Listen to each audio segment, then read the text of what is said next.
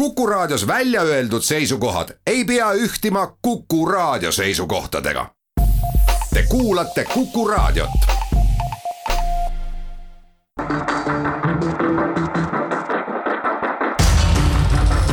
muuli ja Aavik. muuli ja Aavik tere päevast, kell on kaheksa minutit üle üheteistkümne, algab saade Muuli ja Aavik, stuudios on Kalle Muuli ja Mart Jaavik. tere. räägime päris paljudel teemadel täna, loodame, et jõuame ikka lõpuni ka, alustame sellest, et äh, üle pika aja ei mäletagi, kui, kui pika aja järel toodi Eesti tänavatele või vähemalt Tallinna tänavatele siis äh, politsei eriüksus, märulipolitsei meeleavaldajate vastu ja, ja ühtlasi jõudis sel nädalal ka riigikogus kompromissini või kokkuleppeni siis see eelnõu nakkusõnne, õnnet-, nakkushaiguste ja, ja tõrje ja, ja ennetamise seaduse eelnõu, mille, mille muudatuste vastu siis meeleavaldajad protestisid. teiseks räägime sellest, et riigieksamid keskkooli lõpetajatele on kuulutatud vabatahtlikuks. kolmandaks natukene pensioni teise samba rahadest, nimelt on asutatud üks huvitav firma, mis pakub selle raha väljamaksmise, maksmist kohe ja hiljem siis äh, tahab seda pensioniraha endale saada koos äh, tummiste intressidega. ja neljandaks räägime sellest, et Afganistani äh, missioon on lõppemas Eesti kaitseväe jaoks ka siis sellel aastal, kus on oldud siis kahe tuhande kolmanda aasta märtsist peale kevad käes, aga suusatamisest ei saa üle ega ümber.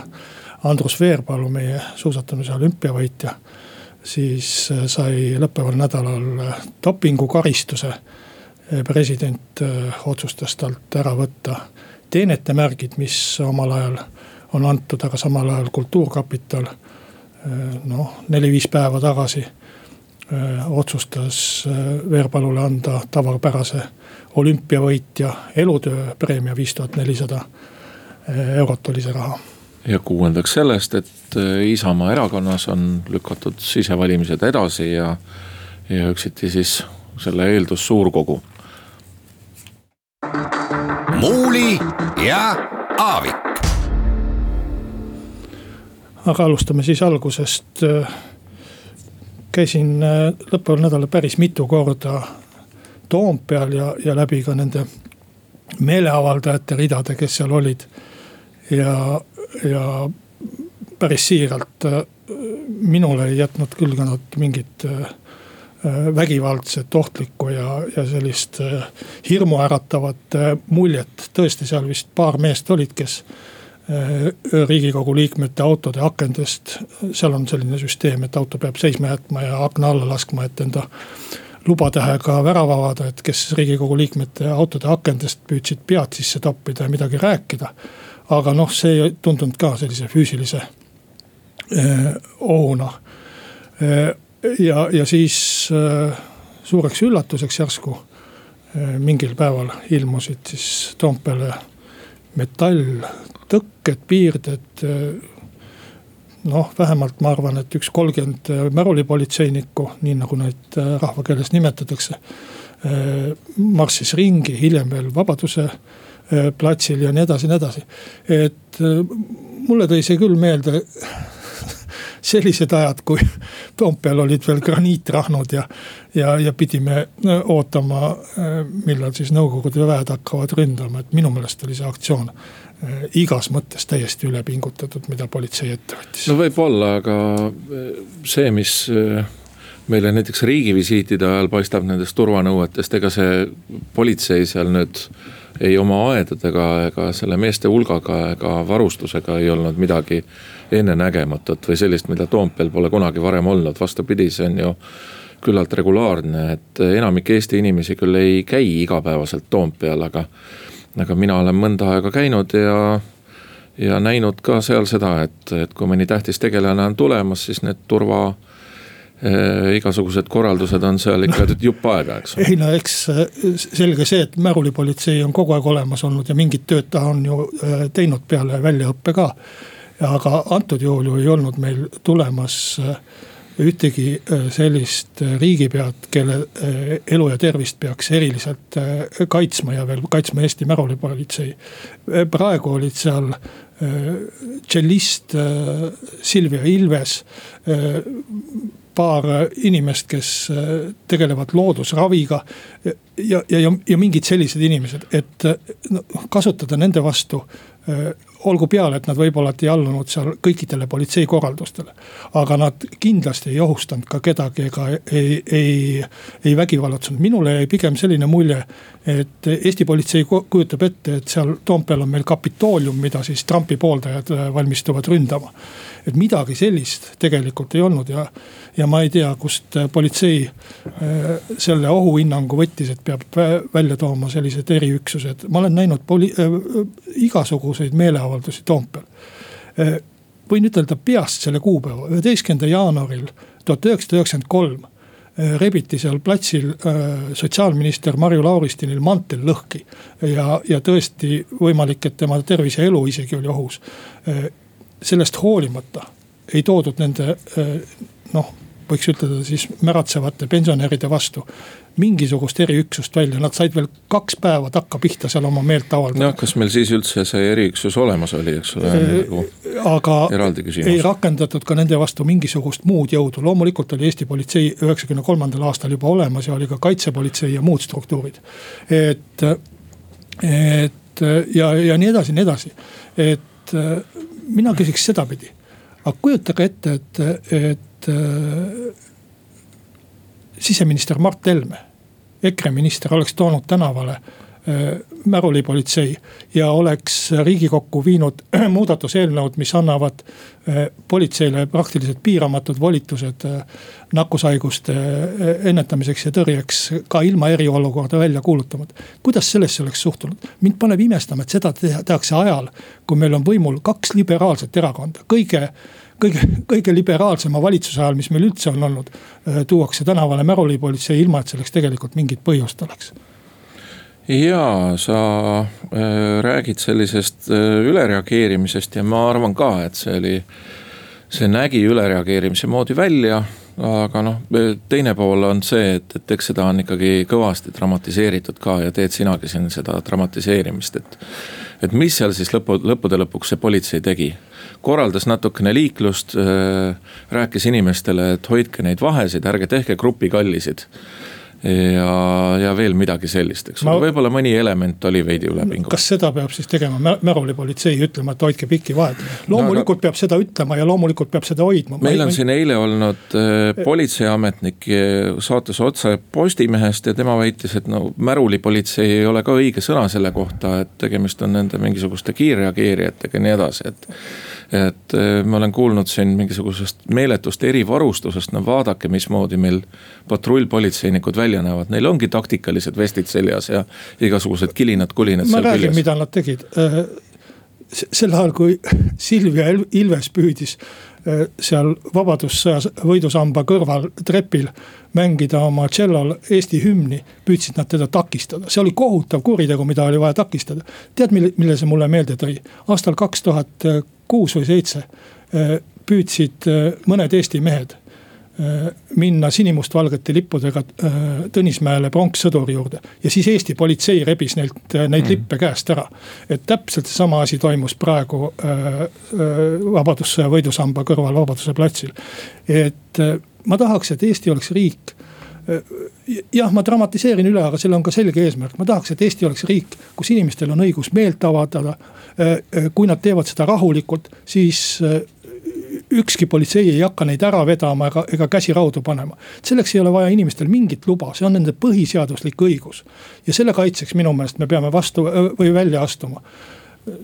rääkides sellest õnnetust NETS-ist, mille vastu protesteeriti, siis tegelikult oli seal ju probleem olemas, tegelikult taheti teha meile seadust, kus need õigused, mis võiksid olla eriolukorra või hädaolukorra ajal juhul, kui see välja kuulutatakse, oleksid eh, politseil eh, kogu aeg olemas. ehk põhimõtteliselt oleks noh, kogu aeg alatiseks seadustatud lihtsalt äh, see, seesama eriolukord. Selle... mida, mida peaminister ei taha tegelikult välja kuulutada. jõuame selle sisuni, eks ole, ka eelmine peaminister ei tahtnud eriolukorda ta välja kuulutas kuulutada. välja selle. no jah, jah, jah kuulutas, eks ole, aga kogu selle. kaheteistkümnendal märtsil ja lõpetas mai teisel poolel. eelmise aasta NETS-i muudatuste mõte, kuidas seda reklaamiti, oligi see, et ei peaks eriolukorda välja kuulutama, kas see on õige või vale. see on omaette teema, aga valitsus, eel, eelmine valitsuskoalitsioon ju tegi need põhimõttelised muutused. lõpuks see kompromiss, eh, mis eh, siis piirab eh, politsei tervisekaitselised volitused, eks ole, häda, tervisekaitse hädaolukorra ajaga on ju päris hea aga, aga see on niivõrd üle dramatiseeritud teema mida oleks võinud rahulikult lahendada tavalise parlamentaarse protsessiga. no aga millegipärast ei lahendatud, toodi eelnõu ja taheti jõuga läbi suruda, et ega siis valitsuskoalitsioon ei otsinud kompromissi enne. kui opositsiooni poolt pandi obstruktsioon lauale ehk äh, ähvardus või hirmutamine, et sügiseni ei saa muud asja arutada, kui ainult seda õnnetut seadust, aga. teeme siin hetkeks pausi, kuulame reklaami ja äkki läheb siis tuju paremaks.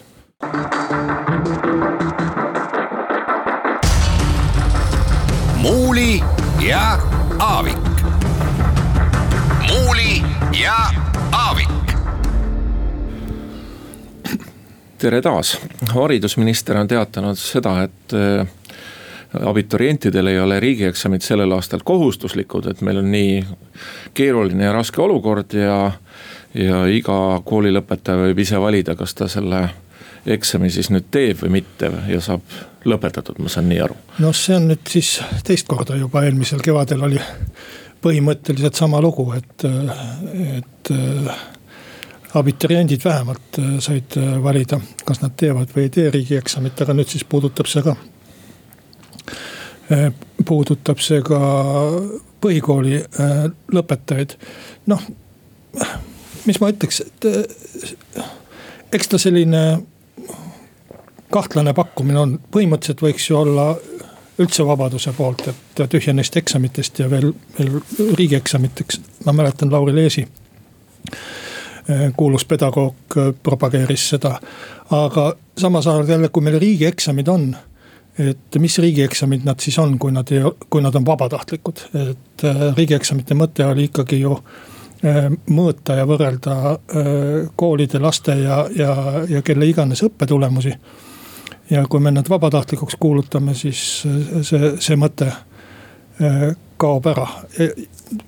minu tunne on ka selline, et, et noh, võib öelda, et lapsed ei ole saanud koolis korralikult õppida ja nii edasi.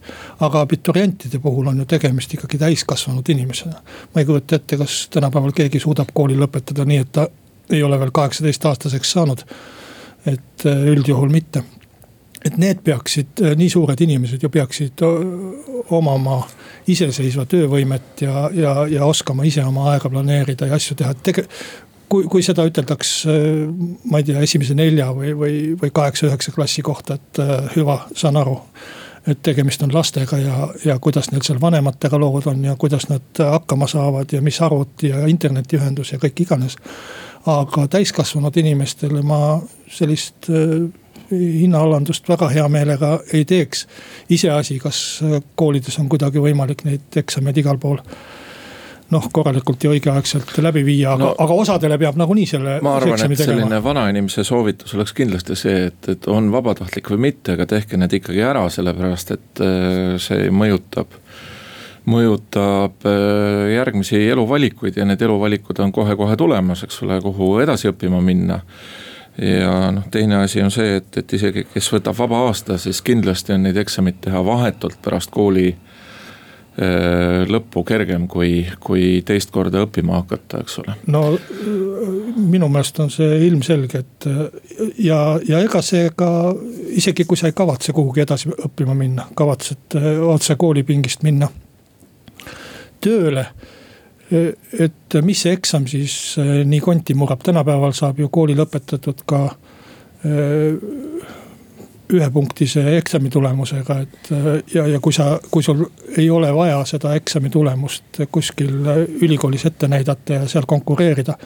et siis ei ole ju vahet ka, mis, mis punktisummale sa edaspidi teed või selle eksami teed. et minu meelest need keskkooliõpilased, kes loobuvad eksami tegemisest, kindlasti ei tee õiget valikut, et kõige targem on kooliainetes inimene siiski keskkooli lõpul, ma arvan. Selle, selliste otsuste taga on ilmselt äh, natukene üle dramatiseeritud või ma ei oskagi öelda, kas üle dramatiseeritud või aladramatiseeritud, aga dramatiseeritud ettekujutus äh, vaimse tervise olukorrast. ja kujutlus, et need piirangud, äh, kodus õppimine ja nii edasi on nagu tohutult stressi suurendanud. tegelikult me ei tea seda et me näeme sellest riigikantselei uuringust, kus on mõned vaimse tervise küsimused, jah seda, et see noortegrupp on, on, ütleb, et nad on noh, lihtsustatult, eks ole, stressi või, või pingeid kogu, kogenud, ütleb rohkem kui vanemates gruppides. teine pool on see, et need mõõtvahendid ei ole sellised, mis on üldse mõeldud nagu täpseks mõõtmiseks. lisaks me teame seda, et selles vanuses nagu hilisteismelised, niikuinii nad on mitmesuguste pingete all, et, et see ongi nagu tõenäoliselt selline baastase. et, et pinged on suured, pead igasuguste asjade peale mõtlema, kuidas sa meeldid vastassoole. või noh, potentsiaalsetele partneritele vist on äh, moekas öelda. Äh, kuidas selle edasiõppimisega on, koolid, kooli ja õppimisega, eks ole, et siin ei ole nagu midagi niisugust iseenesest ebaloomulikku, et selles vanuses ollaksegi pinge all. no naljakas oleks ka, kui eksamid ei tekitaks mingeid pingeid ja kooli lõpetamine, aga. aga mina nägin eelmisel aastal eriolukorra ajal eh, seda, eh, neid, seda olukorda päris lähedalt selles mõttes, et mu oma laps lõpetas keskkooli ka vabaks lastud riigieksamite tingimustes. et noh, see tegelikult see kodus õppimine täiskasvanud inimesele ei ole nii hull, ta saab ju, meil ei ole ju tänaval liikumise keeldu. ta saab isegi ühe-kahe sõbraga kohtuda ja, ja, ja väljas käia sporti tegemas ja nii edasi. et ainuke, mida ta siis ei saa ja, või saab vähe, on õpetajaga kontakt ehkki tegelikult äh, põhimõtteliselt võib ju ka õpetajaga mõne, mõne eratunni kuskil kokku leppida. Aga, aga ma arvan ka, et see on üle dramatiseeritud, aga kui ta nii on tehtud, las ta siis olla ja, ja loodame, et see mõne lapse ära, elu ära ei riku, kui ta läheb hetkel kergemat teed ja jätab selle eksami tegemata. aga sellega on siin jälle uudiste ja reklaamipaus meil käes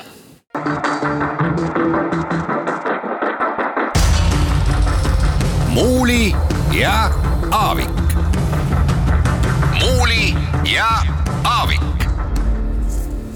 jätkame saadet äh, stuudios Martti Aavik ja Kalle Muuli.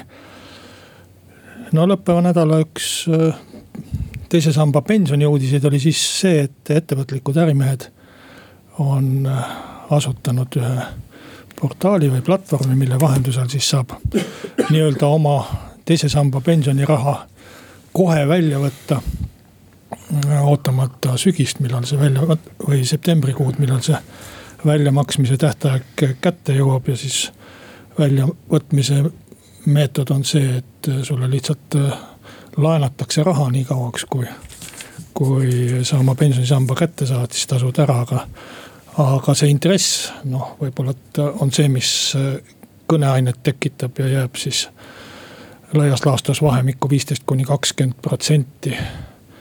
ja noh, eks ta selline kiirlaenu või, või, või tarbijalaenu intressi kanti jääv äh, summa on, no juba on leitud äh, igasuguseid hukkamõistu avaldusi teha äh, või on tehtud juba ja, ja räägitud, et näete nüüd, mida siis teine sammas endaga kaasa toob, et nii nendelt inimestelt see raha ära võetaksegi nojah, et, et ma arvan, et siin on, tõenäoliselt on see ju seaduslik. Et mis see siis lõpuks on, see on nagu faktooring ettevõtluses või, või tõepoolest tarbimislaen, eks, aga, aga ausalt öeldes äh, peab ikka inimene väga hädas olema või, või pururumal, et äh, minna seda raha välja võtma sinna sellise, sellise intressiga, mida on pikaajaliselt kogutud, kõigepealt maksad ära selle tulumaksusumma, mis on arusaadav. aga noh, see muudab ka natukene mõttetuks kõik need impulsskontrolli elemendid, mis sinna sellesse pensionireformi ju sisse ehitati, et sa ei saa seda kohe päevapealt nagu homme võtta, et, et täna jääb natukene lauaviinast puudu, siis lõpetan pensionisamba ära, eks ole, et umbes selline see mõte on, et ma kujutan ette, et inimesed planeeriksid pikemalt ette ja. ja tõenäoliselt rohkem vist eh, ka kallutatud sinna fondide ja pankade poole, et no, nad suudaksid raha vabastada. et neil oleks aega jah, aga eh, mis mind tegelikult selle sündmuse puhul häirib, on see, et kui kohe ilmusid välja kuskilt pankadest äh, targad ja tähtsad mehed, kes hakkasid rääkima. näete, me ju ütlesime, näete, me ju ütlesime, et äh, pensionirahaga läheb väga halvasti, see teine samba reform on jube halb asi. inimesed nüüd raiskavad oma, oma raha ära. Et ma mõtlen selle peale, et äh, ju iga päev peaaegu, et me kuuleme, kuidas mõni vanainimene on andnud äh, olematule investeerimisportaalile oma raha on keegi Nigeeria sõpradele saatnud oma raha kuni tšakrate avamiseni ja, ja võib-olla, et mustlaste ennustusteni välja, kellele antakse raha. aga selle puhul me ju ei ütle, et oi, inimestelt ei tohiks hoiuarvetelt lasta rahasid välja võtta. et kindlasti tuleb takistada seda, et inimesed saaksid oma raha vabalt kasutada et aga, aga nüüd on siis, aga kui sedasama tehakse pensionirahaga, siis, siis see näitab, et tegelikult on jube halb, et inimesed saavad enda raha kasutada. mõtlen selle peale, et noh kordan veel seda soovitust, et no see ei ole kõige arukam sellise protsendiga, eriti praegustes oludes. mingisugust laenu võtta ja, ja, ja oma vähesed säästud, eks ole, ära raisata äh, suv, suvaliste asjade peale, aga Äh, ütleks siia juurde, et kui keegi lootuses, et ta saab sügisel äh, selle pensioniraha kätte, võtab kiirlaenu näiteks veel röövellikumate intressidega, kas me sellest lihtsalt ei kuule eks sellepärast, et ta ei ole süstemaatiliselt tootena suunatud selle pensioniraha peale, aga samad, põhimõtteliselt. Needsamad pangad annavad äh,, ei ole küll viimasel ajal äh, intressi suurust vaadanud, võin eksida ja, ja vabandan ette, aga, aga annavad peaaegu et sama suuruse Äh, intressiga tarbijalaene ja siis need äh, pangatöötajad ei räägi, et küll, küll need on lollid inimesed, kes võtavad seda laenu. et raiskavad oma raha ära ja, ja, ja maksavad kellelegi. aga see, et ta ei ole arukas, see on sinu vaatest, Martin Niivsi, et ta ei ole arukas ja minu vaatest ka. mina ei võtaks seda äh, laenu ja ma üldse ei võtaks sellise protsendiga laenu ja ei võta ja ei ole kunagi elus võtnud. ei soovita kellelegi teisele ka, aga mõnel inimesel võib olla häda ja ta ei saa teisiti ja mõnel inimesel võib olla ka väga hea äriplaan. ma tean päris mitut inimest, kes on teeninud viimase poole aastaga enam kui sada protsenti kasumit investeerides börsil. Kas peaks ütlema nüüd, et kui nad oleks selleks võtnud kuueteistprotsendilist laenu või LHV Pank pakub aktsiate tagatisel näiteks kaheksa protsendilist laenu. et, et nad on siis ilmtingimata lollid või? et äh, see sõltub asjaoludest ja sellepärast peabki inimesel olema vabadus. et äh, selge see, et seda vabadust kasutades ka sa riskid ja võid ka kaotada, aga võid ka võita ja, ja ma tulen tagasi siin meie eelmise pooltunni teema juurde vabadusest meelt avaldada, täpselt samuti peab olema Eestis vabadus inimesel oma äh, raha kasutada ja peab olema mm. vabadus ka ettevõtlusega tegeleda. et lõppude lõpuks need investorid ju ka riskivad oma rahaga, kes seda, seda sellist laenu annavad. ma tahtsin, ma jäin ise juurdlema seda asja vaadates, et äh, seal ju põhimõtteliselt skeem näeb ette seda, et, et sa saad äh, mitte ainult seda raha välja võtta, vaid sa saad osaleda seal ka investorina. et oletame, et see oleks nüüd hindad ja, ja leiad, et see on turvaline, et sa ei jää seal oma rahast ilma, nad pakuvad äh, väga head protsenti. Äh, kas sina investeeriksid sellesse või on sul, tekib mingisuguseid moraalseid takistusi või muud äh, sellist? noh, kui sa küsid moraalsest aspektist, siis ma arvan, et ei taki-, ei, ei teki, et minu meelest on see äri nagu iga teinegi, kus ärimees püüab kasumit saada ja, ja, ja kui ta, see kasum jääb seal intressiga viieteist kuni kahekümne protsendi vahele siis seda seadus täiesti lubab ja, ja see on ka moraalsest aspektist, kui ma vaatan meie eh, kiiremate ja äkilisemate laenude taset eh, on täiesti aktsepteeritav. no aga see pakkumine ei puuduta nüüd, lähme siin liiga palju reklaami peale, aga see pakkumine ei puuduta ju ainult neid ärimehi, vaid vaid väide on see, et sa saad seal alates viiekümnest eurost investeerida nendesse laenu noh, see sõltub nüüd, kes, kes mida eesmärgiks seab, mina kindlasti ei, ei, ei investeeriks sellisesse kohta. aga mina olen ka sellises vanuses, kus mind ei huvita niivõrd raha teenimine, kuivõrd raha hoidmine juba või selle säilitamine ja kaitsmine ja sellepärast ma kindlasti valiksin mingi turvalisema paiga oma rahale, kui selline nii-öelda kiirlaenukonto. aga teeme siin äh, hetkeks reklaamipausi ja jätkame siis teiste teemadega.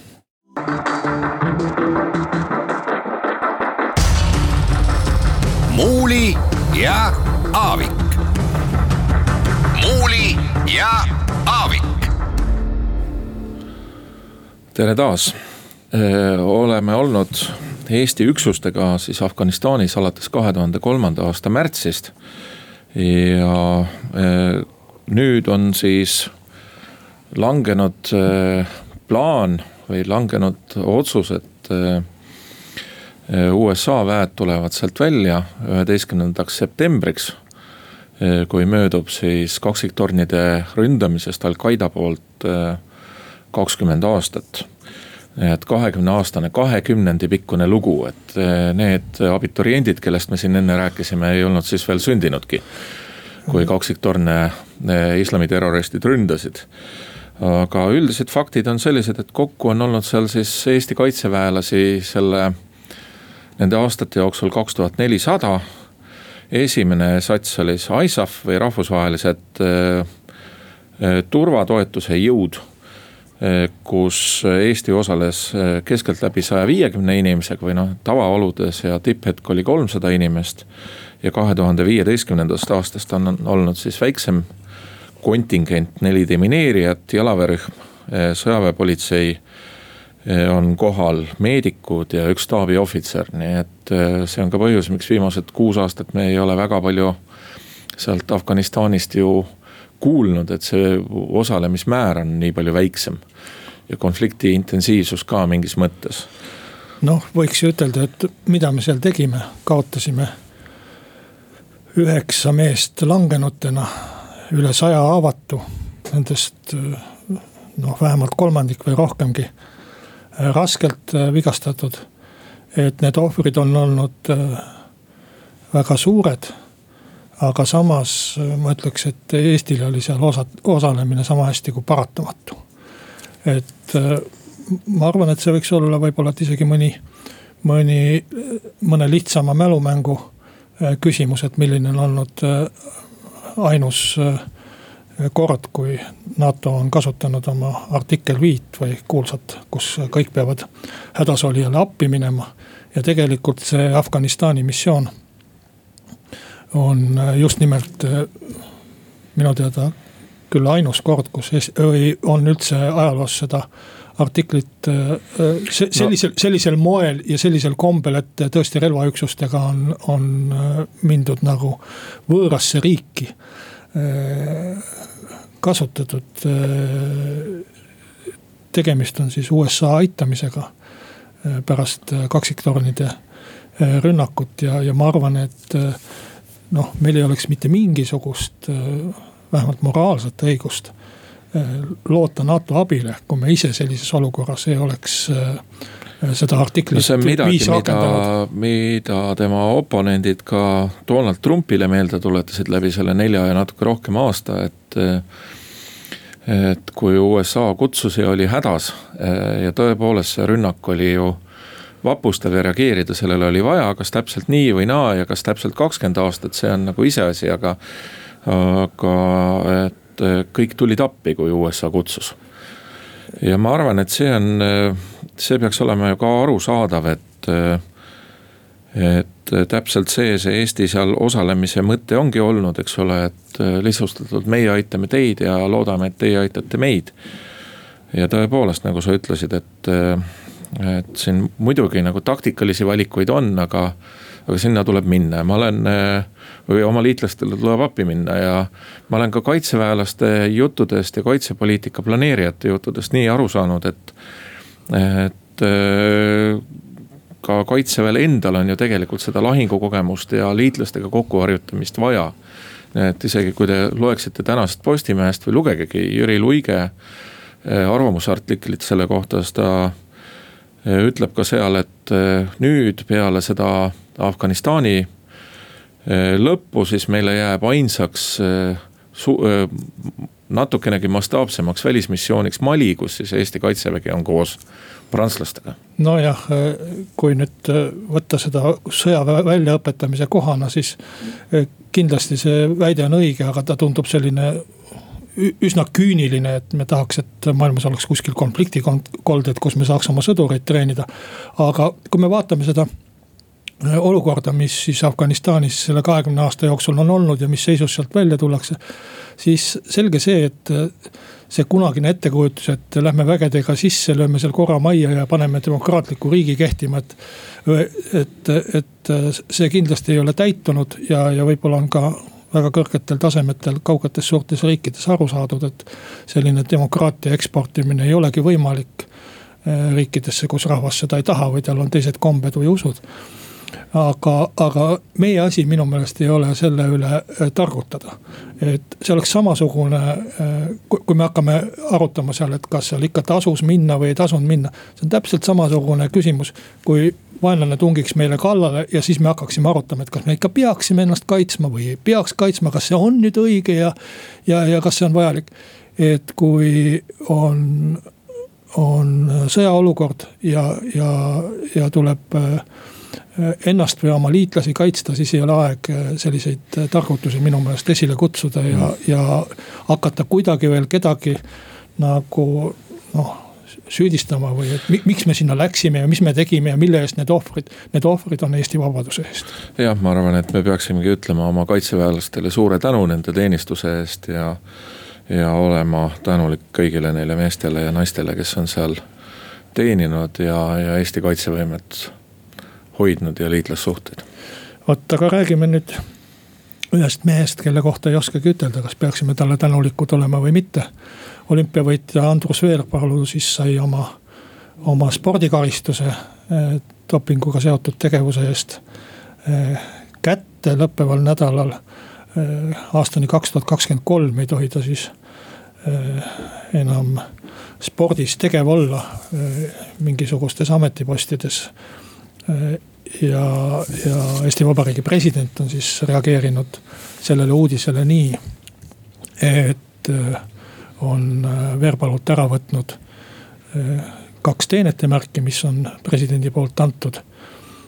ja samal ajal noh, veidra kokkusattumusena või sellise huvitava juhtumina on Kultuurkapital andnud üheteistkümnendal aprillil oma otsusega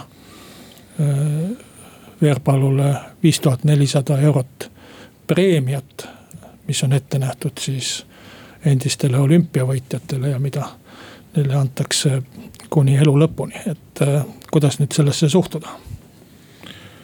no sellesse, et ta sai preemiat või, või, või sellesse juhtumisse?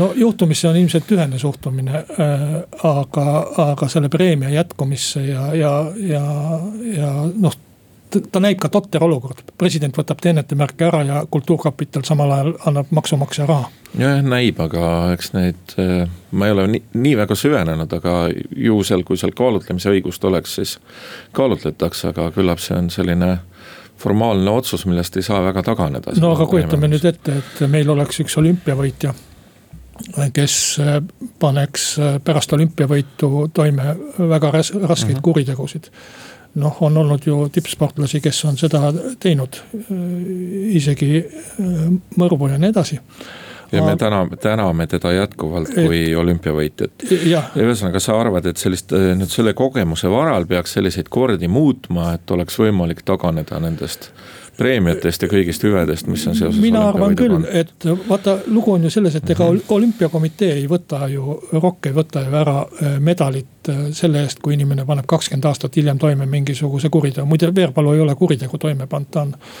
ta on sport, äh, spordialaselt karistatud ja, ja ei, ei võeta seda medalit ära, sa jääd olümpiavõitjaks ikkagi. aga kas nüüd peab maksumaksja seda ikkagi premeerima kuni, kuni inimese elu lõpuni, ehk ta võib, ehkki ta võib olla vahepeal väga koletuid asju toime pannud ja koletuks inimeseks osutunud. et minu meelest ei ole see õige, et see tundub kuidagi väär ja ma arvan, et väär on see see, et, et seda äh, raha ja tunnustust ei jagata ju mingisuguse äh, äh, -hmm plekist äh, või, või kullast äh, metallitüki eest. seda jagatakse selle eest, et inimene on tohutult pingutanud oma rahva nimel, au ja kuulsust toonud ja kui ta nüüd selle au ja kuulsuse ise ära lörtsib. ja, ja hoopis halba kuulsust toob, et siis ma arvan, et see preemia ei ole õigustatud. täitsa nõus, et me oleme kõige suurem asi, mida üks olümpiavõit meie väiksele rahvale või, või mõnele teisele rahvale ka annab, on ühtsustunne ja uhkustunne ja. Ja rõõm ja kokkukuuluvus ja kõik, kõik sellised asjad. ja kui te nüüd natukene mõtlete, siis äh, rõõm nendest olümpiavõitudest ja medalitest on ikka osutunud võrdlemisi lühikeseks võrreldes selle pideva niisuguse äh, pussnoa haavas keerutamisega, mida need dopingujuhtumid on meile kaasa toonud, nii et ma isegi mõtlen suure kaastundega nendele niisugustele väga-väga suurtele fännidele, kelle oma tunded ja iseolemine on nagu olnud seotud nende meie spordikuulsustega nii tugevalt, et.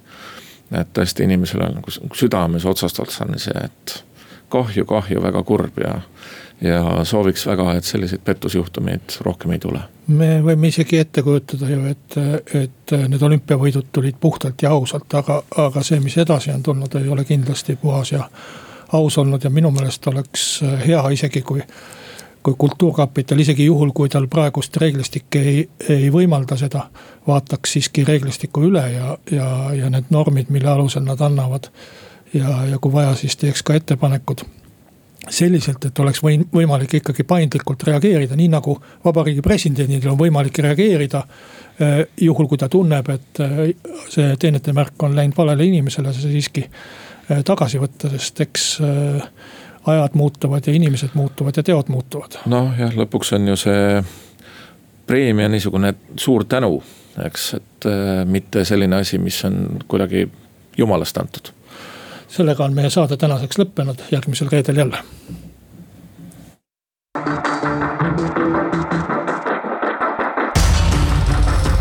muuli ja Aavik. muuli